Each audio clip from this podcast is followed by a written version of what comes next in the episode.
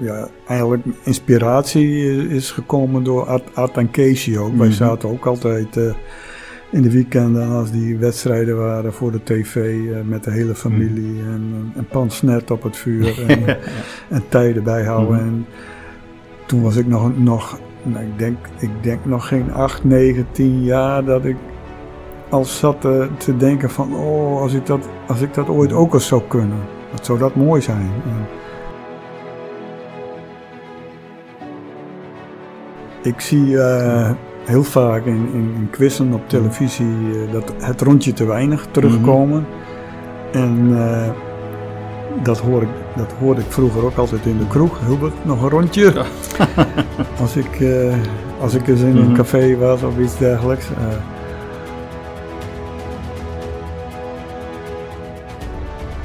Uiteindelijk was na de Olympische Spelen kwam nog de, kwamen nog de wereldkampioenschappen in Heerenveen. In, in, de stad waar ik woonde.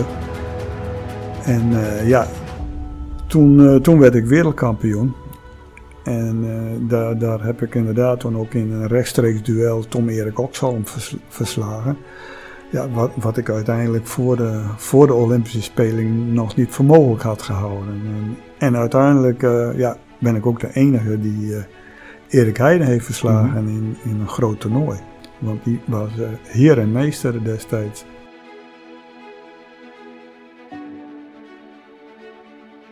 Toen ik we- wereldkampioen werd in Heerenveen moest ik in een koets met eh, een soort rijtuig door Heerenveen met paarden voren. Mhm. ik vond het vreselijk. ik voelde me net een pauze. En, eh, ja, en dan, dan merk je wel dat mensen heel anders naar je gaan kijken. Mhm. En dat zelf het gevoel hebt van ja, ik ben gewoon de Hilbert hi- die hiervoor ook nog was.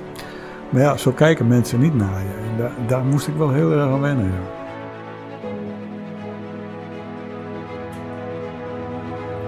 Aan het woord is Hilbert van der Duim. Een ingetogen persoonlijkheid met een veelbewogen schaatscarrière.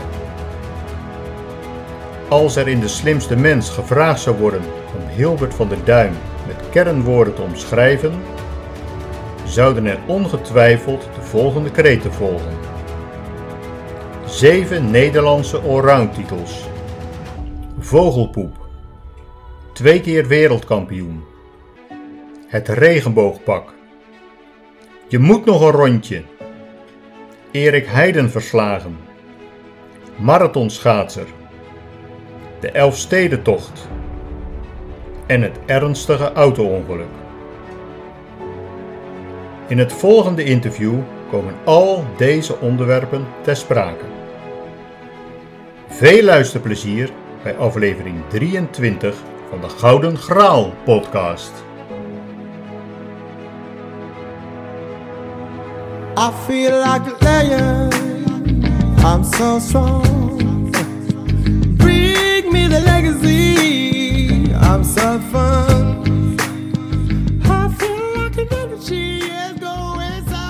We hebben vandaag eh, de microfoons eh, opgesteld in het eh, Drenthe College in Assen en zijn te gast bij Hilbert van der Duim. Ten eerste bedankt dat ik hier te gast mag zijn. En kun je ons ook vertellen wat hier je functie is? Ik ben tegenwoordig bij het Drenthe College ben ik IBP-functionaris, is informatiebeveiliging persoonsgegevens. We hebben eigenlijk ook de rol als privacy officer voor het Drenthe College en ik ben functionaris voor gegevensbescherming. Dus bij datalekken eh, moet ik die melden bij het, eh, de autoriteit persoonsgegevens. En we proberen zo veilig mogelijk met de persoonsgegevens binnen het Drenthe College met, eh, ja, van onze leerlingen en studenten en, en relaties om te gaan. Ja, een heel belangrijk onderdeel. eh, Ja, ja. Zeker in, in deze tijd. eh. Ja. Ik wilde om te beginnen je een aantal eh, dilemma's eh, voorleggen, waar je uit eh, mag kiezen of met ja of nee mag, mag antwoorden. De eerste, arendsoog of chameleon als boeken? Chameleon. Chameleon. Ligt ook een beetje door de Friese roots misschien. ja, nou goed, je hebt daarin. ik- ik, ben ook altijd wel op het water Mhm. geweest met, een, met een boot vroeger. dus dat spreekt me wel aan. En in leuk. mijn jeugd was dat, vond ik dat gewoon leuk. Ja. Donorcodiciel ingevuld, ja of nee? Ja. Als je zou mogen kiezen, zou je dan nog kiezen voor een gouden Olympische medaille of winnaar van de Elfstedentocht? Nou, ik denk winnaar voor de Elfsteden toch.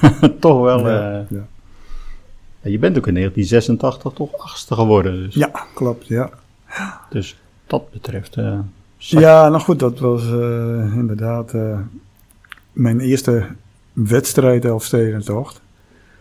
En eh, ja, da- daarna heb ik een auto-ongeluk gehad en eh, ja, is het eigenlijk, was de schaatscarrière Hmm. daarmee wel over. Ja. Maar goed, toch een achtste plaats is toch een hele eervolle vermelding. Ja, het is een eervolle vermelding. hè. Mhm. Eh, goed, ik had zelf graag wat in de kopgroep gezeten. Maar in het donker is eh, met de eh, ja, maar communicatie en dergelijke was het toch, toch lastig om erachter te komen dat er al een kopgroep was. Ja. En eh, tegenwoordig, tegenwoordig eh, ja, hoef- hoeft dat niet meer te gebeuren natuurlijk. Maar ja, er was vanaf de start vanaf Leeuwarden richting Bolzwart was toch wel ja, lastig in donker Mhm. om te, erachter te komen van eh, wie, er, wie er nog wel voor je zaten. Ja. Dan gaan we even naar het voetbal. Mag je kiezen tussen Heerenveen of Emmen? Heerenveen, Begraven of cremeren? cremeren, Labello of Tarvo? Tarvo. Tarvo. Ik weet eigenlijk niet of het merk nog bestaat. eh. Ik, ik zie het niet in de winkel in de schappen liggen. Nee, nee. Labello nog wel. trouwens. Labello wel inderdaad, eh, ja. Het waren natuurlijk twee, twee sponsors van je uit je carrière, Ja, vandaar dat, ik ze, dat ik ze gekozen heb. Wil je er nog eentje verder toelichten of zeg je van... eh, Nou ja, Labello is no- Mm. nooit echt een sponsor Mhm. geweest, maar dat was meer de, ja, de aanstalten om een soort sponsorschap te, te worden. mhm. Maar dat is, dat is ook een hele rel geworden destijds. Ja, dat heb die boek gelezen. Ja. ja. Nou, i- ik heb je, je boekje hier, eh, hier voor, eh, voor me liggen. Dat is eigenlijk eh, de aanleiding ook eh, dat wij nu tegenover elkaar eh, zitten. Omdat ik het met heel veel belangstelling heb, eh, heb gelezen. En natuurlijk omdat ik vroeger ook eh, voor de buis eh, zat eh, toen je sportieve prestaties eh, verrichtte. Je schreef zelf eh, op de achterflap van, eh, van het boek. Er is in het verleden veel over mij geschreven en hiermee heb ik dan mooi de gelegenheid om uit de doeken te doen hoe het allemaal werkelijk is gebeurd. Hm. Nou, naast dat, eh, dat je alles eh, in het boekje hebt vermeld, heb je nu dus ook de mogelijkheid om nog een, eh, een aanvulling te geven in, in deze podcast. Ja, ja. Je hebt een imposante erelijst op sportief gebied. Je bent zeven keer allround Nederlands kampioen geweest, van 1979 tot en met 1985. Twee eh, EK's eh, en twee wereldtitels eh, allround gewonnen, in 80 en in 82. Twee keer deelgenomen aan de Olympische Spelen. Hoe vaak word je nu nog aangesproken op die sportieve prestaties? Nou, het is, het is zo van, ja, net na je schaatscarrière, dan, dan kon je nauwelijks ergens in een restaurant zitten te eten rustig. Mhm. Maar tegenwoordig lukt dat wel. eh, en, het, is, eh, het zijn vaak de, de mensen ook uit die generatie die je nog eens herkennen. En eh, vaak is het, als je het hier, hier in school de jeugd vraagt, wie is Hilbert van der Duim, dan denk ik dat ze hun schouders optrekken. Ja, dat is Ja, een andere ja. generatie. Ja. Ja. Mhm. Maar bij de oudere generatie leeft het nog precies. altijd wel. ja, mhm. en nou goed, je komt natuurlijk wel nog wel eens op ijsbanen waar je herkend wordt. En, Mhm. Ja, dat, dat is het eh, uiteindelijk. En eh, ja, als, als het schaatsseizoen weer begint, eh, of er zijn ja, belangrijke wedstrijden zoals Olympische Spelen, dan wordt je ook vaak nog eens even weer genoemd. En ja, bij mij gaat het dan vaak ook nog wel eens door in quizvragen met een Mhm. rondje te weinig en, en, en de vogelpoep, zeg maar. waarmee- Komen we ook zo nog wel op. Ja, Ja, ja, ja. Mhm. Dus ja, dat, eh, je merkt wel dat het gewoon eh, naarmate je ouder wordt, ja, die, die, ber- die beroemdheid wat, wat weg-appt, zeg maar. Ja, maar toch, eh, bedoel, ik heb natuurlijk zelf nu ook eh, getest, zeg maar, eh, en wat mensen vertelden dat ik vandaag hier was. Mhm. en, en zeker de wat, de wat ouderen, de jongeren inderdaad, dan, dan is het wat minder. Ja. maar, maar zeker de wat middelbare ouderen, Ja. ja. die, die weten toch de naam nog altijd wel heel goed te herinneren. Dat, dat klopt, ja. Ja. En, ja, goed, je, ook, ook mede omdat je en hoogtepunten en, en dieptepunten Mhm. hebt gehad. Ja, dat, dat spreekt altijd wel tot de verbeelding bij mensen. Eh, nu gaan we even een, eh, een stukje terug in de tijd. Je eerste wapenfeit waarmee je in de krant kwam was als eh, toen je vijf jaar was. Toen volbracht je al een 20 kilometer lange toertocht naar de Hooidammen. Ja. Kun je daar nog iets van herinneren? Ja, nou goed, het was wel zo van als er natuurreis lag, dan, eh, bracht ons vader ons naar, hè, naar de ijsbaan in, in Beesterswagen en, en dergelijke. Dus dan, wij stonden direct altijd eh, wel op het ijs. Mhm. En eh, nou ja, als het dan als het diepere water wat eh, vertrouwd, vertrouwd was en er werd een toertocht uitgeschreven, eh, ja, toen, toen hebben we gewoon een keer geprobeerd om eh, met de ouders mee eh, zeg maar een tocht van 20 kilometer te rijden. Mhm. En ja, toevallig was ik toen de jongste deelnemer. Ja, ja. En het krantenknipsel eh, is ook nog opgenomen in het, eh, in het boek. Dus Ja, dat, is, eh, dat is, zit nog een, ergens in een van de plakboeken ook. in, een, in een plakboek, eh, ja. Dus je had in ieder geval al, eh, al vroeg eh, aanleg eh, voor. Toch was er een, eh, een voetbalwedstrijd eh, voor nodig eh, waarin je op de reservebank eh, terecht kwam eh, om je zeg maar naar het schaatsen te krijgen. Ja, ja, ja. Nou ja, goed. Ik zeg altijd maar, eh, in die voetbalwedstrijd, daar botste het met de trainers, Mhm. of met de trainer. En eh, ja, bij, bij een botsing komt daar ook altijd een hoop energie vrij. En ja, goed, ik was ziek geweest en ik werd eh, op de reservebank gezet. En terwijl ik beter was. En toen, ja, dat was voor mij de druppel. En ik was nog, nog een jonge jongen natuurlijk. En ja, ik denk, als je beter bent, dan moet je ook weer voetballen. En dan, dan moet je me niet op een reservebank zetten. En toen mocht ik de laatste vijf minuten nog even invallen. Nou, toen zei ik, eh, daar bedank ik voor. Dat, Dat was gelijk de laatste wedstrijd geweest. dat was de laatste wedstrijd bij, het, eh, bij dat elftal, inderdaad. Maar je werd eigenlijk gelijk eh, met open armen denk ik ontvangen bij de schaatstrainingsclub De Kluners. Nou ja, goed, toen, ik, ik ben toen gaan schaatsen inderdaad. En, en, en via een kennis kom je bij, bij, een, bij een schaatstrainingsclub. Dat was inderdaad de Kluners eerst. En eh, in Drachten. En later volgens mij bij s- schaatstrainingsgroep eh, hoe heet de, FC Rut, of Rutten. Rutten. En daar eh, kreeg je de eerste echte grondbeginselen van, van het eh, schaatsen met de trainingsvormen. En dat Ja, nou goed, wij, wij gingen eh, uit onszelf ook wel eens, hè, dan, want ja, eigenlijk inspiratie is gekomen door Art, Art en Casey ook. Wij Mhm. zaten ook altijd in de weekenden als die wedstrijden waren voor de tv met de hele familie Mhm. en, en pansnet op het vuur en, en tijden bijhouden. Mhm. En toen was ik nog, nog nou, ik, denk, ik denk nog geen 8, 9, 10 jaar dat ik al zat te, te denken van, oh, als ik, dat, als ik dat ooit ook eens zou kunnen, wat zou dat mooi zijn. En, daar, daar is eigenlijk toen de, de droom begonnen. En eh, uit, uiteindelijk, eh, ja, je komt bij een schaatsclub en dan bij een, een gewest, gewest Friesland. Jong Oranje, kernploeg. eh, ja, zo, zo heb je dan eigenlijk opgewerkt naar de top. En eh, is die droom uiteindelijk eh, toch ook voor een groot deel hè, uitgekomen. is uitgekomen. Ja. Je hebt ook nog een, een korte tijd in militaire dienst gezeten, maar dat was maar een, een week of twee. Want toen, toen mocht je eigenlijk alweer naar huis toe vanwege heimwee. Had het er ook mee te maken dat je net daarvoor was gaan samenwonen? Nou, het had voornamelijk te maken met eh, nou ja, ze had, dat ik verkeerd voorgelicht werd. En eh, dat er gezegd werd van nou in dienst krijg je alle faciliteiten eh, voor de sport om goed te kunnen trainen en noem maar op. En ik werd toen in Ossendrecht geplaatst als chauffeur kleine vrachtwagen. Toen ik daar kwam, ja, dan moest ik een rijbewijs halen en dat soort dingen. En ik denk, ik heb al een rijbewijs, dus wat moet ik nog met nog een rijbewijs? De eerste week toen eh, had ik een verzoek ingediend om eh, vrijdags wat eerder weg te kunnen uit militaire Mhm. dienst. Om nog mee te trainen met de kernploeg in, in Harderwijk.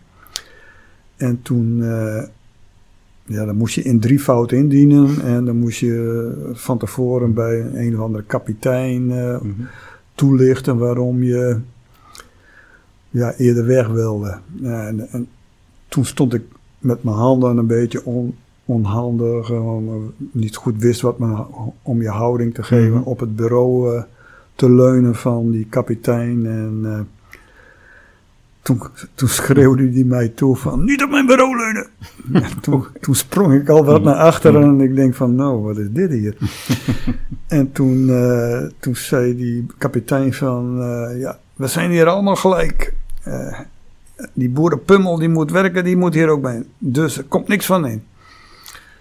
Dus ik kon niet e- eerder weg om mee te trainen met de kernploeg. En toen, ja, toen dan draait het bij mij in mijn hoofd. Ik denk van, nou, wat, wat is dit hier voor Mhm. eh, grote bende? Mhm. Ik denk van, eh, ik moet zorgen dat ik hier wegkom. dus, eh, dus ik deed er al alles aan om, om uit dienst te komen. En dan meldde ik mij ziek. En dan, nou, op een gegeven moment moest ik op dienstreis naar de psychiater in Vught. En nou, toen kreeg ik allemaal, allemaal eh, moeilijke vragen over wie, wie ik eh, liever vond, mijn vader of mijn moeder. En of ik al eerder heimwee had en dat soort dingen. Nou ja, ik zei met, met schoolreisje was ik ook altijd al met een dag weer thuis, zei ik zo. eh, dus ik heb er altijd al last van. toen werd ik afgekeurd op S5, zeg maar. En kon ik uit dienst en mocht ik de plunjezak weer inleveren in Oostendrecht. En toen zei die sergeant bij het onderdeel waar ik zat van... eh, eh, jongens, jij, eh, jij zult nooit geen wereldkampioen worden. Jullie hadden alleen Fromme moeten hebben gehad als trainer. Dan, dan die had een kerel van je gemaakt. Nou, en dat was in 1980. En, dat was ook het jaar van de Olympische Spelen. En Mhm. na de Olympische Spelen werden de, de wereldkampioenschappen in Heerenveen gehouden. En dus ik werd daar toen wereldkampioen. En toen dacht ik van, nou weet je wat, ik stuur die sergeant van dat onderdeel nog even een kaartje. Een aanzichtkaartje dat ik eh, wereldkampioen Mhm. ben geworden. Ooit nog een reactie daarop gehad? Nooit een reactie No. gehad. Nee, nee, nee. Dat zal je misschien ook nog wel extra gemotiveerd hebben, die woorden. Nou ja, goed, het, het was een beetje, ik vond het wat denigrerend Mhm. en eh, ja, da- daar kon ik niet zo goed mee overweg. Nee. Nee.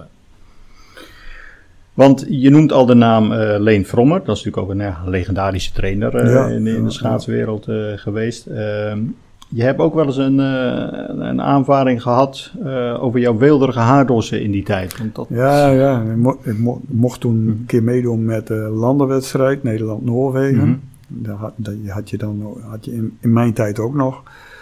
En ja, als je daar meedeed, dan hè, dat je had dan alleen Fromme was op dat moment de, de trainer van de kernploeg. En eh, ik mocht toen eh, als gast meedoen, omdat ik als talentvolle junior ook al eh, ook mee mocht. En toen zei hij, nou, als je bij mij in, de- in de ploeg komt, Hilbert, dan zorgen we dat je een mooi, mooi kapseltje krijgt. En mooi kort geknipt. En ja, die Noorse trui. eh, ja, en, dan krijg je een netjes pakje aan. En toen zei ik, nou, ik denk, denk het niet, zei ik zo toen tegen hem. Maar eh, ja, uitei- uiteindelijk heb ik hem nooit echt als trainer gehad. Je schrijft in je boek dat je een eh, schaatscarrière achter de rug hebt met veel goede prestaties, maar dat het laatste wel eens op de achtergrond kwam door mijn malle fratsen. Aan welke word je nog het meeste herinnerd van die malle fratsen? Nou ja, goed. Ik, ik zie eh, heel vaak in, in, in quizzen op televisie eh, dat het rondje te weinig terugkomen. En eh, dat, hoor ik, dat hoorde ik vroeger ook altijd in de kroeg. Hilbert, nog een rondje. als, ik, eh, als ik eens in een Mhm. café was of iets dergelijks. Maar ook, ja, ook vogelpoep is bij die, die generatie natuurlijk als, als een hilarisch feit wel blijven hangen. En krijg ik ook nog wel eens achterna geslingerd. Het is verbazingwekkend. Twee handen even los, want hij komt naast hem. Kijk eens even. En hij gaat hem voorbij gewoon. Schitterende prestatie van Hilbert van der Duim. Op de bel pakt hij Sjöbrand in. Zes. Hilbert, je moet doorrijden! Hilbert, je moet doorrijden! Je moet toch een ronde Hilbert van der Duim. Oh jongen, wat ben je nou toch aan het doen, Hilbert van der Duim? Ga je nou toch door? Denk dat hij er is. Hilbert, je moet doorrijden, jongen. Je bent er nog Wat ben je nou toch aan het doen? En nou heeft hij pas in de gaten. En daar laat hij een wereldkampioenschap liggen. Hoe kan een vent dat nou toch doen? Hoe kan een coach zo lang wachten om dat tegen te zeggen? Hoe is dit mogelijk dat een vent die daar zo gaat sprinten, dat een coach dat niet kan zeggen? Dat een jongen dat hij in de gaten heeft. En een Scheuven die dan toch nog een slechte 5000 meter reed, want die was geslagen. 7, 18, laat dit daar. Nog hier. 7, 21, 71. 6, 38 kwam die door. Dat betekende een tijd van 7, 13, 7, 14. En laat alles liggen. Hoe is dit hier verdorie toch mogelijk? Eh, heb je daar een hekel aan als mensen je daar nu Nee, nog aan herinneren? nee, of dat- denk je, het ik- hoort er ik- gewoon bij? eh, ik zie dat als een stukje humor. Ja. Dat ik uiteindelijk ook zelf de wereld in heb geholpen. Ja. Ja. Want ehm, inderdaad, die eh, van Hilbert je moet doorrijden. En zeker met, met dat, eh, voor mij was dat ook Leen Fromme die Ja, toen het eh, ja. tv-commentaar gaf. Ja, dat zijn natuurlijk ook historische beelden zijn Ja. dat geworden. Denk je ook niet dat mensen je daardoor wat meer in hun hart hebben gesloten doordat ze inzien dat sportsterren om soms ook gewoon menselijke fouten maken en Ja, nou goed, ik, ik denk ook van, ja, ik, ik ben iemand, Friese, kom af, eh, ja, eh, hou het bij, bij mezelf, ik ben behoorlijk aut- authentiek en ja, loop, loop niet snel naast de schoenen. Ik denk dat dat ook, ook gewaardeerd wordt, dat je gewoon ook jezelf kunt blijven Mhm. en... eh, ja, natuurlijk, ieder mens is ook kwetsbaar. En ja, als je, als je die, kant, die kant ook toont, ja, dan kan dat ook gewaardeerd worden.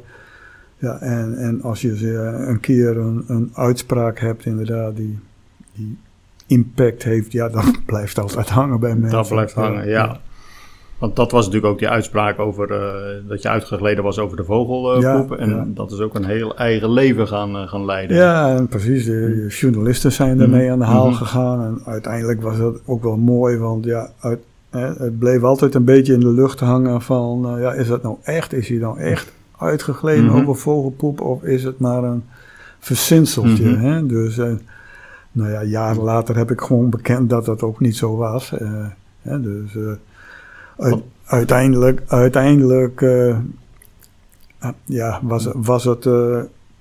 dat ik na de 10 kilometer door, hè, gevallen was Mhm. en meteen een microfoon onder de, onder de neus gedrukt kreeg en, en moest antwoorden hoe, hoe, hoe het nou kwam dat ik wa- was gevallen. En, eh, Want je had geloof ik wel wat, wat, wat vogelpoep op je pak zitten. ja, nou goed, ik zei, ik zei uit de gein Mhm. van, nou, ik ben, ik zei, ben nou uitgegleden Mhm. door de vogelpop. Jong, kijk maar, het zit nog aan mijn pak, zei ik zo. Hè? En, eh, nou ja, dat, eh, en, en toen zei die journalist van, ja, ja echt, Hilbert, echt, want ik schrijf het op. Ja, ik zei, schrijf maar op hoor. dus ja, ik denk, wat interesseert mij het ook. Nou ja, uiteindelijk zijn ze daarmee aan de haal gegaan. Er zijn er ook hele leuke cartoons over Mhm. gemaakt en dat soort dingen. En eh, ja, als er, als er nog ergens een, eens een keer een mail boven een ijsstadion vliegt, dan, dan wordt er ook weer aan mij gedacht vaak. Ja, Nou ja, het zijn inderdaad. eh, Kijk, met, met Sven Kramer hebben we de, de verkeerde wissel. Ja. Dat zal ook Ja. eh, aan, hem, eh, aan hem blijven hangen, inderdaad. Dus wat dat betreft maakt het eh, alleen maar menselijk, denk ik. eh. Het verbaasde me wel een beetje in de, tijdens het WK van 1983. Toen eh, verbaasde je ook iedereen eigenlijk, eh, zelfs je, je trainer, eh, door in een regenboogpak op het WK te, te verschijnen. ja, ja.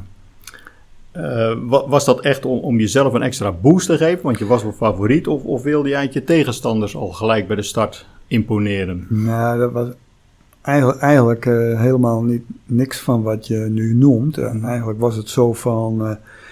ik, eh, ik was in contact, in contact gekomen met Gerben Kasters. Die, die werkte toen bij Adidas. En eh, daar kreeg ik wel eens wat kleding van en, dat, en dergelijke. En die zei van, maar Hilbert Jong, in de, in de wielersport, rijdt de wereldkampioen, die rijdt in de regenboogtrui.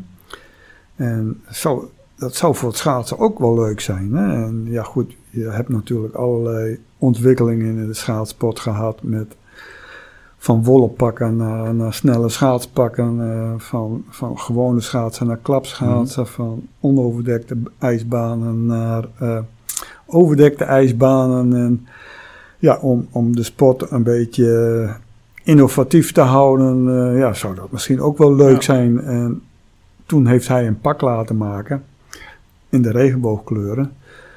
En toen ik in Oslo bij het Bislett Stadion aan de stad eh, moest verschijnen, toen dacht ik van ja, als ik nou dat pak nu al aantrek, dan zegt de trainer straks van, eh, nou dat moet je niet doen Hilbert, eh, Mhm. laten, we, laten we even verstandig zijn en dit soort dingen. En denk van nou weet je wat, ik trek dat pak in de wc aan, doe het trainingspak erover en dan weet niemand of ik erin rijd. Dus toen ging ik naar de stad toe en trok mijn trainingspak uit. Ja, dan stond, stond ik in een wit pak met regenboogkleuren aan de stad. Eh, uite- uiteindelijk eh, op de 500 ging het goed. Mhm. Maar ja, op de, op de 5000 eh, meter ja, reed ik een bar slechte tijd. En plaatste me uiteindelijk niet eens om ook nog de 10.000 te mogen rijden. Dus ja, en toen kreeg ik natuurlijk wel heel veel commentaren over me heen. Ja, wat ik misschien van tevoren wel Mhm. in had kunnen schatten. Maar ja, ik wist op dat als ik wel een goede 5000 had gereden, dan was er waarschijnlijk helemaal niks aan de hand geweest. Dan hadden ze juist gezegd van het is juist heel goed geweest inderdaad. Eh, ja. En uiteindelijk, uh, ik denk van, nou, uh, de, want we hadden twee van die pakken laten maken. Mhm. En toen dacht ik van, nou, als, als we dan de, de nieuwe wereldkampioen dat ook zo'n pak geven, dan eens kijken of hij er ook in wil gaan Mhm. rijden. En dat werd uh, Rolf Valk Larsen, de Noor, in dat Mhm. weekend. Waar het voor mij mislukte. En uh, nou, heb hem ook dat pak toen overhandigd, maar uiteindelijk heeft hij er nooit in gereden. Dus het is niet, het is niet opgepakt. Uiteindelijk is het later wel in de marathonsport nog weer, uh, weer naar boven gekomen. Mhm. Met het spruitjespak en, en dergelijke. Uh, als idee om, uh, en, en ook met sterretjes uh, op te pakken als blijk van gouden medailles die Ja, op Olympische ja. Spelen zijn gehaald. Maar ver, verder is het niet, Verder is niet in de... eh. Nou, ik had het eigenlijk eerder verwacht. Ik bedoel, jij, je, je klinkt, eh, dat blijkt ook uit je boek, als een heel nucht, nuchter iemand. ja. Dus ik, ik had het eigenlijk meer verwacht van, van iemand uit de Randstad, zeg maar. Met, Ja. met het bravoer, zeg maar, om zo'n regenboogpak aan te doen als... eh, Nee, dat was niet, niet, niet Mhm. van mij een stukje Mhm. bravoer, maar eh, ja, ik denk van, nou, ik, ja, misschien kan ik de schaatspot Mhm. daarmee dienen. Ja. om, om er eh, nou ja, een, een andere zwoeng aan te geven. Dat je ook net als bij een, een Tour de France een leiderstrui hebt en, en dat soort dingen. Eigenlijk is het helemaal geen, eh, geen gek idee inderdaad. Ik bedoel, Nee. de gele trui kent, kent ook iedereen. Ja. de- dus. In 1980 werd je vierde tijdens de Olympische Spelen in Lake Placid op de 5000 eh, meter. Ja. Erik Heijden die won daar eh, vijf gouden medailles. En die was natuurlijk ook de grote favoriet voor het eh, WK Allround in, in Heerenveen. Nou, dat liep anders. Gelukkig voor jou liep het, liep het heel goed. Wanneer begon je tijdens die wedstrijden te beseffen van nou, het zou wel eens kunnen gaan lukken om Erik Heijden, de grote favoriet, te verslaan?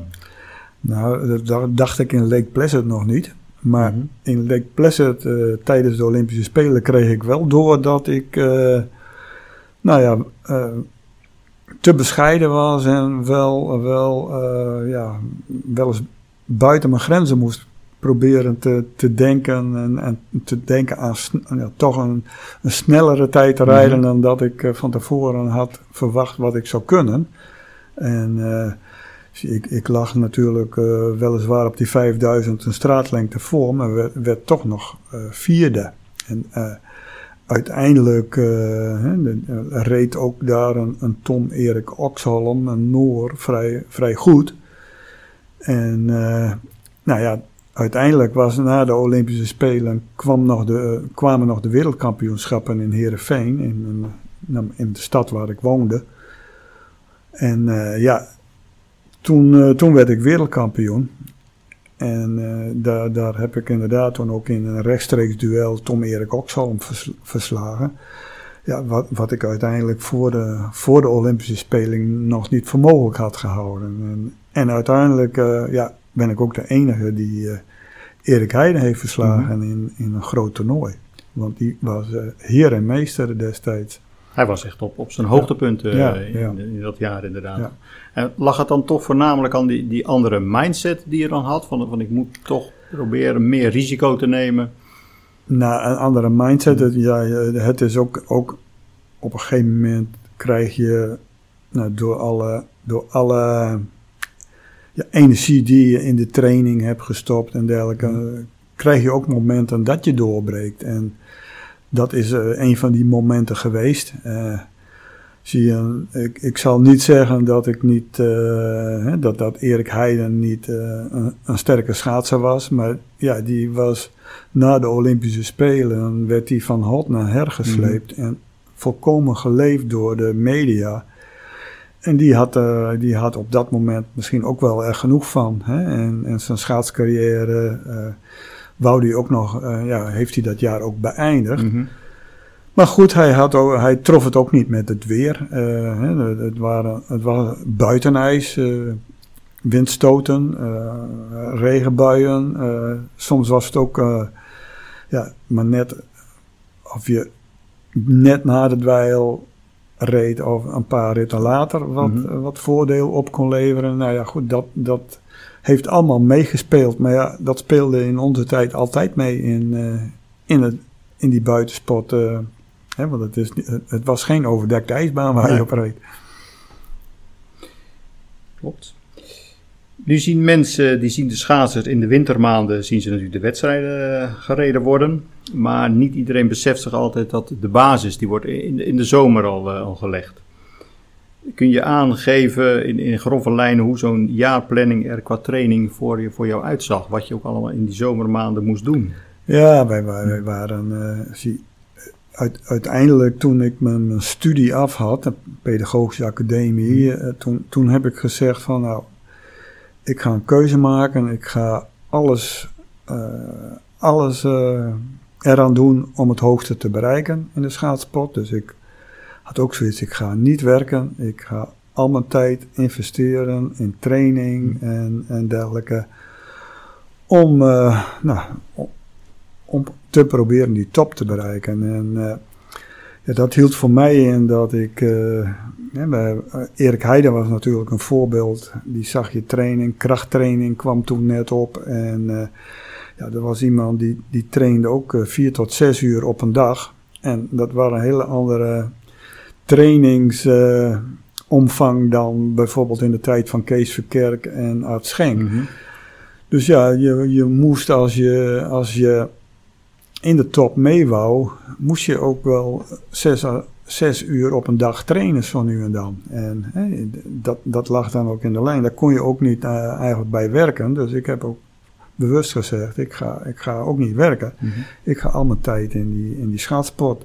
Ja, en dan ben je zomers bezig eh, op, een, op een racefiets. eh, S ochtends eh, samen met, kameraden die, die ook schaatsten. Dan ging je, ja, fietsten we soms wel in een, dag, een dagje om het IJsselmeer heen. En we, we trainden in het krachthonk overdag. En ja, we, we hadden in die tijd ook net het, het periodiseren van training wat, Mhm. wat, eh, wat populair werd. Dus je trainde omvang en daarna iets meer intensiteit. En, ook, en, dan, en dan weer een rustperiode ook om, om ja, te, te kunnen pieken Mhm. in de winter en dat soort zaken.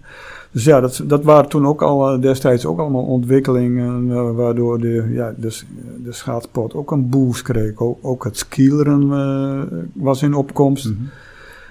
Ja, en dat zijn al, allerlei dingen die, ja, die bijdragen in de, in de vooruitgang van die schaatsport. Als je hè, nu ook kijkt van, ja, hoe, hoeveel er geskielerd wordt. eh, eh, maar ook vanuit de short track mensen die meedoen in, in allround toernooien. Vanuit de marathon die meedoen in allround toernooien. eh. ja, zo heeft die sch- schaatspot zich toch, nou, ook, ook na mijn tijd nog heel erg ontwikkeld natuurlijk. Ja. Want waren al die trainingen wel heel veel onder leiding dan van, van, van de kernploeg eh? Of heb je ook veel dingen zelf eigen Ja, gemaakt? door, de, door de week eh, moest je het vaak zelf doen. Hè? Mhm. En dan had je een schema en in de weekenden had je vaak een trainingsweekend. Mhm. Samelijk met de, de kernploeg waar je dan in, zit, in zat en de trainer die daarbij was. En eh, ja, het was ook wel vaak een beetje op gevoel. Hè? Want ik, ik denk ook wel als je nu terugkijkt en je zou die training veel meer eh, ja, op, je, op je persoontje aanpassen, Mhm. dan, eh, ja, dan hebben wij vroeger veel te hard getraind.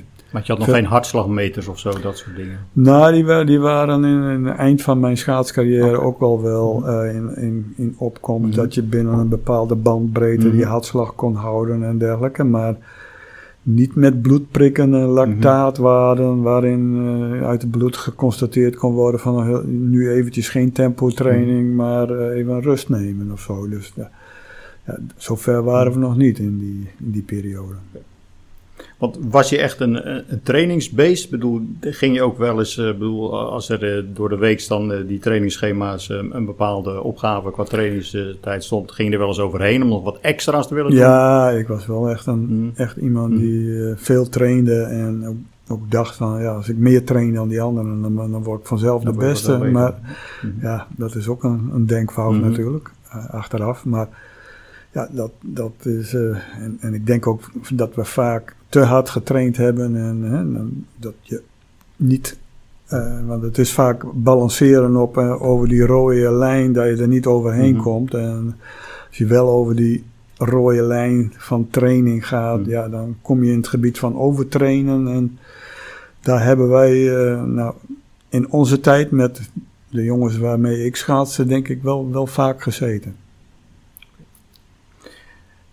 Want eigenlijk zit ik me net te bedenken, eh, in de schaatsport zijn eigenlijk ook geen dopinggevallen bekend. Hè?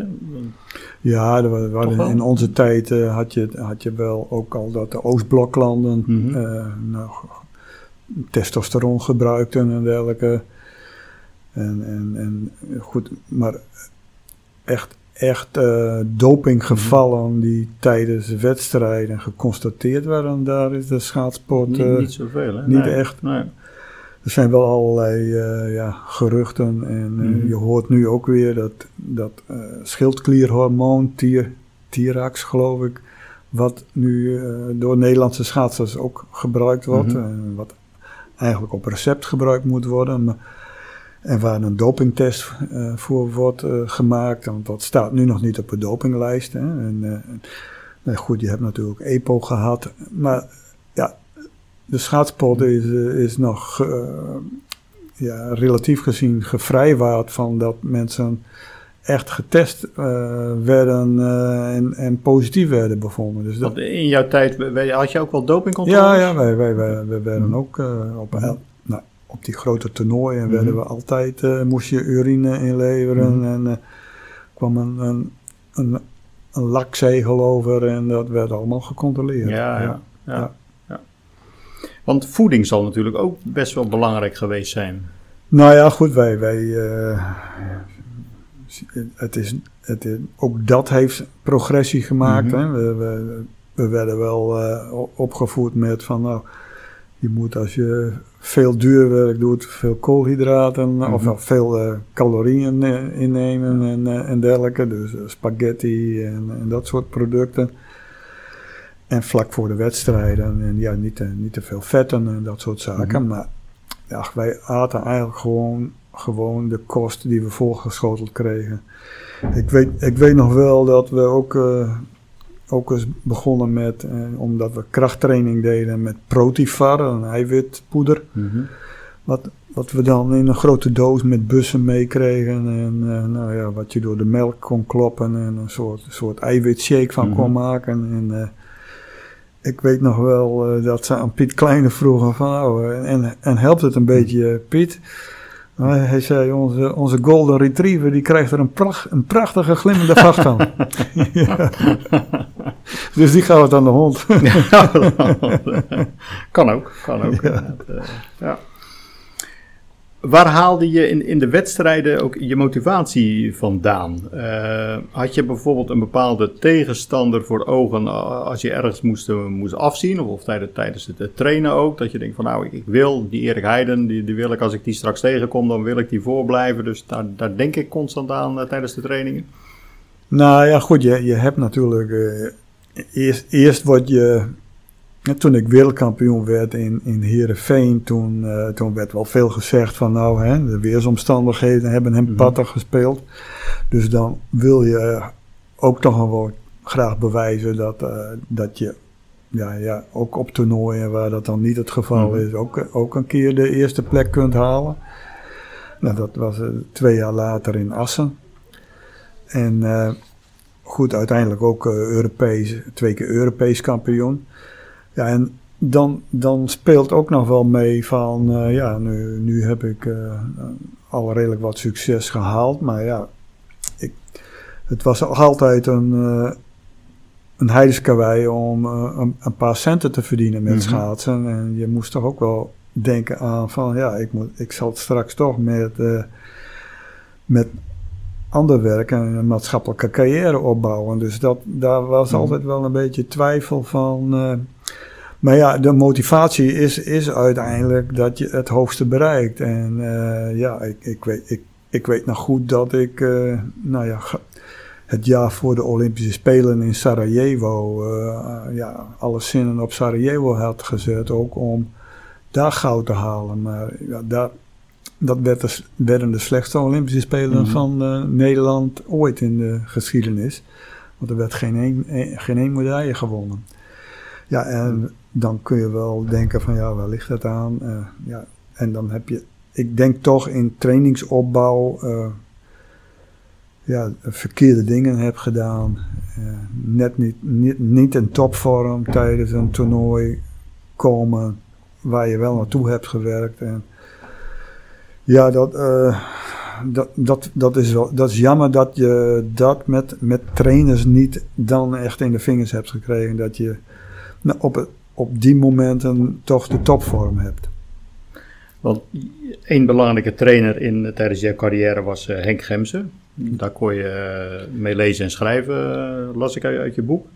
Maar die zette zich ook in voor de maatschappelijke begeleiding van de kernploegleden. Ja, nou goed, ik denk dat je ook Egbert van Oever hoor je daar ook bij te noemen. Mm -hmm. Egbert van Oever is uiteindelijk langer mijn trainer geweest en die die ging toen ook wel naar de, de schooldirectie om uh, nou, te praten mm. over. Uh, om, ja, uiteindelijk was ik maar een half jaar op school toen ik. Op, de, op de pedagogische academie, toen ik daar op school zat, was ik maar een half jaar. Mm. En moest ik in de zomermaanden alles weer inhalen. En dan had ik vrienden in de klas zitten die aantekeningen voor me bijhouden, hielden. Mm. En ja, die, die ik dan kreeg. En ja, me, na, na de trainingskampen weer moest moest bijspijkeren, bijspijkeren zeg maar. Ja. Want uh, publiciteit en sponsoring, het is net al eventjes uh, aan de orde uh, gekomen. Had je een riant inkomen toen je wereldkampioen werd? Nou, als je wereldkampioen wordt, dan, toen ik het nog niet was, had, had je een, een soort basisinkomsten. Mm -hmm. En dat, ja, dat, dat kon meer worden naarmate je meer op een foto stond in de Telegraaf, mm -hmm. Algemeen Dagblad mm -hmm. en noem maar op. Of een reportage in de Panorama of de Revue. Ja. Of een reportage op televisie. Mm -hmm. En dan werden de seconden gemeten dat de, de sponsornaam in beeld was. En dan, uh, dan werd je daar navenant uh, aan afgerekend. Maar zie, als je, als, je, als je het hebt over die eerste jaren voordat ik wereldkampioen werd, nou, dan denk ik dat ik nauwelijks het minimumloon had. Mm -hmm. En, en toch uh, trainde als een professional en uh, nou ja, net rond kon komen. Ja. En zie, als je wereldkampioen wordt, ja, dan word je gevraagd om eens een keer een lintje door te knippen, mm -hmm. uh, nou, hier en daarbij te zijn. Dan zijn sponsors ook gretiger om eh, nou ja, wat, wat meer te betalen. En ja, dan moet je denken aan, aan zo'n topjaar dat je met, met lintjes doorknippen Mhm. en, en, en allerlei dingen waar je bijgehaald wordt voor publiciteit en dergelijke. Dat je in zijn totaliteit misschien een, een, een, een 60.000 euro per jaar verdiende. Euro, guldens waren dat toen Ja. in die tijd. Maar goed, dan, als, het, als het jaar daarna weer minder ging, dan was het ook weer... Dan werd eh, het eh, gelijk weer minder. ja. eh, ja. Heb je ook altijd voor ogen gehad dat je moest zorgen voor een opleiding om na je sportcarrière ook nog eh, rond eh, te kunnen komen? Ja, zeker. Ik, eh, ik, ik heb daarom ook eerst ook de, zeker de, de pedagogische academie afgemaakt. En gedacht van, ja, nu, nu heb ik een diploma, daar kan ik altijd op terugvallen. En als het, want ik heb toen wel gezegd van, ja, ik ga alles eraan doen om het hoogste te bereiken. Dus ik ga eerst niet werken. Maar ja, als je het niet, als je het niet haalt, dan moet je, wel, moet je ook iets. En Ja. dan, eh, ja, dan zul je een diploma moeten Mhm. hebben. En, en, daar, en daar kon ik op terugvallen eh, op dat moment. Als je achteraf de balans opmaakt, is het topsportleven eh, dan het missen van een deel van het gezinsleven waard geweest? Nou ja, ik denk, ik, ik denk zeker dat dat mij heel veel gebracht heeft. Mhm. Je- met name hè, de, de wilskracht, de trainingen die, eh, die je doet, het, het doelen stellen om iets te bereiken, eh, is ook in je latere leven, zeg maar, eh, geeft dat je een, eh, een, een zelfverzekerde gevoel om ook, ook op een ander gebied doelen te bereiken Mhm. en, en dingen te kunnen, als je er maar voor wilt gaan. En, eh, ja, die, die instelling die, die, helpt, eh, die helpt gewoon. Je kan in ieder geval niet jezelf het ver- verwijt maken dat je niet alles eruit hebt gehaald. eh. Nee, nee, ik heb er alles eraan gedaan het hoogste te bereiken. En nou goed, dat, is, eh, dat zijn de, die, wereld, de, die wereldkampioenschappen allround waar ik dat Mhm. heb gedaan. Eh, nou, geen Olympische Spelen, maar ik heb uiteindelijk op allerlei terrein eh, ja, medailles gehaald. Zelfs op de, de, de WK Sprint in Helsinki Mhm. nog een keer derde geworden. Ja, dat was, eh, zie je, in onze tijd was het ook nog niet zo dat je eh, super ging specialiseren op een afstand. Maar eh, ja, je reed gewoon alles. En, en na mijn schaatscarrière ging ik marathonrijden. En Mhm. ja, werd ik ook, ook Nederlands kampioen op natuurreis uiteindelijk nog. Dus ja, e- eigenlijk heb ik, kan ik zeggen eh, dat ik een, een super allrounder ben Mhm. geweest. Waar, die van korte baan tot aan marathon, elfstedentocht, Ja. eh, ja, prestaties heb neergezet. Mhm. En die belangstelling, je noemde het net, eh, net ook al even, die, de mediabelangstelling. Eh genoot je daarvan of voelde dat meer als een noodzakelijk kwaad of gaf het Ja, extra nou goed. druk? Dus je- uiteindelijk doe, je, doe je het niet voor de mediabelangstelling. en, en is je doel om wereldkampioen te worden. En ja, eh, al- als bescheiden jongetje zoals ik was uit een, uit een arbeidersfamilie. eh, ja, overkom je dat dan als je, Mhm. als je wel een keer wereldkampioen wordt. dat er allerlei zaken op je afkomen. Ja, waar je nou, nou, geen houding in weet te geven. eh, ook altijd niet even leuk vindt misschien. Want ik, ik weet nog dat ik in, eh, toen ik we- wereldkampioen werd in Heerenveen, moest ik in een koets met eh, een soort rijtuig door Heerenveen met paarden ervoor. Mhm. Ik vond het vreselijk. ik voelde me net een pauze. En, eh, ja, en dan, dan merk je wel dat mensen heel anders naar je gaan kijken. Mhm. En dat je zelf het gevoel hebt van, ja, ik ben gewoon de Hilbert hi- die hiervoor ook nog was. Maar ja, zo kijken mensen niet naar je. En daar, daar moest ik wel heel erg aan wennen, ja. Sport en televisie kan toch, toch heel veel met mensen doen. eh. Ja, ja zeker. Ja. Ja. Eh, je, noemde het net al even, dat auto-ongeluk in 1987. Ja. Eh, dat maakt eigenlijk ook een, een einde aan je, aan je carrière. En dat was best wel een, een heftig ongeluk. Want je Ja. hebt toch enkele dagen in coma gelegen en je hebt langdurig moeten revalideren. Ja. Heeft dat je kijk op het leven nog, nog veranderd? Ja, zeker. Ook, ook dat, hè. Want je, je bent van 100% actief sporter, krijg je een ongeluk en eh, ja, kun je, sta je ineens op 0% activiteit. Je kunt niks meer. Ik lag in, in een ziekenhuis met de benen in, in matjes. Ik had al, van alles gebroken. Bovenbeen verbrijzeld, stuk van de knieschijf af, eh, de rug ontwricht, de longen gekneusd, ja, eh, darmen geperforeerd. Dus ja, noem maar op. en dan realiseer je pas van, eh, ja, dus je, hè, dat je, nou ja, de afhankelijkheid die je dan hebt van verpleging en, en eh, het je helpen, hoe machteloos je dan bent en hoe waardevol het is om, eh, om mee te doen in de maatschappij. En eh, ja, toen heb ik wel eens gedacht van, zie, scha- schaatsen is leuk geweest, maar het is niet het belangrijkste. Hè? Dus ja, en het is ook zo van, ja, je het had ook eh, een dood kunnen zijn. Mhm. Dus ja, uiteindelijk eh, denk ik wel, ja, we zijn dagjesmensen en eh, elke dag is er weer één. En daar moet je het beste van maken. Want heeft jouw ervaring met, met die zware schaatstrainingen ook geholpen bij je revalidatie? Ja, denk, ik denk ook dat, dat wel natuurlijk. Hè, dat je in je training ook een stukje wilskracht stopt. En dat je bij het revalideren, als je ja, je knie helemaal niet kunt buigen en eh, ja, toch verder wil komen, dat je daar ook eh, energie en effort in moet stoppen om, eh, om weer vooruit te komen. En om hè, vanuit een, rolstoel weer lopende te worden. Ja, ook met een stuk intensieve revalidatie.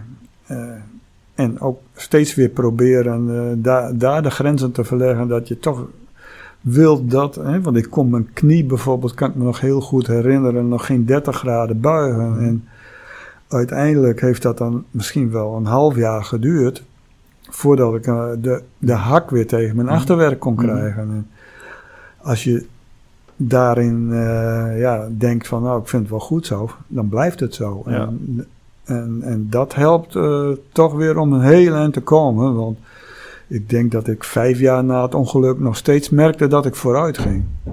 En heb je er nu nog last van of pijn van? ja, nou goed, nu, nu is het meer dat, eh, omdat ik ook beide heupen had gebroken, dat ik Mhm. wat klachten en en slijtageverschijnselen in de heupen krijg. Maar uiteindelijk zal er misschien nog wel eens een keer een nieuwe heup in moeten komen. Maar eh, ja, nee, eh, ik, ik, eh, ik merk het wel. En ik heb ook nooit weer zo, zo kunnen, ex- explosief kunnen zijn zoals voor het ongeluk. Maar ik, ik kan eigenlijk alles weer doen. Ik, ik ga twee, drie keer in de week nog te schaatsen. Ik zit op een racefiets. Ik, ik, ik kan skileren, Mhm. ik kan zwemmen. Ik kan in principe alles doen. Dus natuurlijk was je sportcarrière was in één klap over. Eh, heb je het gevoel dat je daarna in een zwart gat na je sportcarrière terecht bent gekomen? Of speelde dat bij jou niet? Was die revalidatie het belangrijkste? Ja, eerst is de revalidatie heel erg Mhm. belangrijk geweest. En ik, ben, ik heb zelf niet het gevoel dat ik in een, in een eh, heel zwart gat ben gekomen. Ik bedoel, je, je hebt wel dat je, als je niet meer schaatst en, en zo plotseling van 100% actief naar 0% eh, inactief komt, wel een omschakeling eh, waarin je, je weer je weg moet vinden en eh, waarin je nou ja, uiteindelijk ook je maatschappelijke carrière vooruit wilt. Hè? En, maar goed, ik, ik heb ook net, net als heel veel andere mensen eh, ja, privé eh, hoogtepunten en dieptepunten gehad, net als in de sport. Ja, en ik, ik zeg altijd maar, eh, dat maakt ook dat je het gevoel hebt dat je hebt geleefd. En als het alleen maar heel vlak is, een carrière en een privéleven, ja, dan, dan is het ook saai.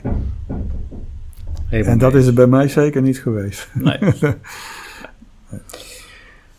Voordat we het interview gaan afsluiten en we nog een foto gaan maken met de, de Gouden Graal eh, koffiemok, eh, heb ik altijd nog een, eh, slotvraag voor, me, voor mijn gasten. En dat is, wat zou je eerste beslissing zijn als je minister van Sport zou worden? Ik heb me voor jouw geval heb ik minister van Sport gemaakt. Je mag ook minister-president kiezen of een ander ministerie mag je ook Nou ja, goed, uiteindelijk denk ik dat hè, ook in de huidige coronacrisis waar Mhm. we net weer proberen uit te komen, is het heel erg bewezen dat eh, bewegen, eh, sportief zijn, heel preventief werkt eh, op de gezondheid van mensen, op, ook op het langer actief blijven van mensen. En ja, ik zou zeggen dat dat in alle lagen van, hè, van jeugd, van leeftijden dus, van jeugd tot aan senioren eh, gestimuleerd moet worden. En misschien wel bekostigd moet worden uit, eh, uit de ziekenfondspremies die betaald worden. Want ja, daardoor kan je ervoor zorgen dat je hè, nou, naast, naast het sportief blijven ook nog een gezond eh, eetpatroon, voedingspatroon te ontwikkelen bij mensen, bij een bevolking. Dat je veel minder mensen eh, ziek, ziek in de ziekenhuizen krijgt. En hè, met diabetes of met hartfalen of wat dan ook maar. Dus ik denk dat daar nog een hele, hele grote kans ligt voor ontwikkeling. Duidelijk. Dan wil ik je bedanken voor dit, eh, voor dit interview. Niks te danken. Graag gedaan.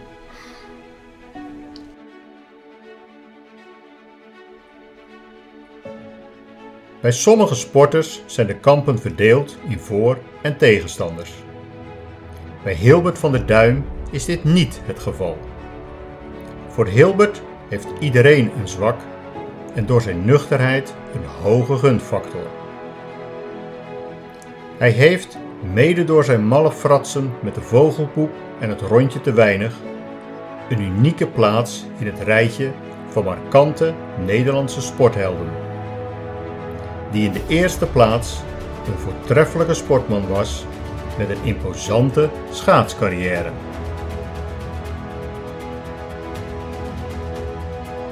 I feel like a lion. I'm so strong. Bring me the legacy. I'm so fun. I feel like an energy is going inside my mind. Fun.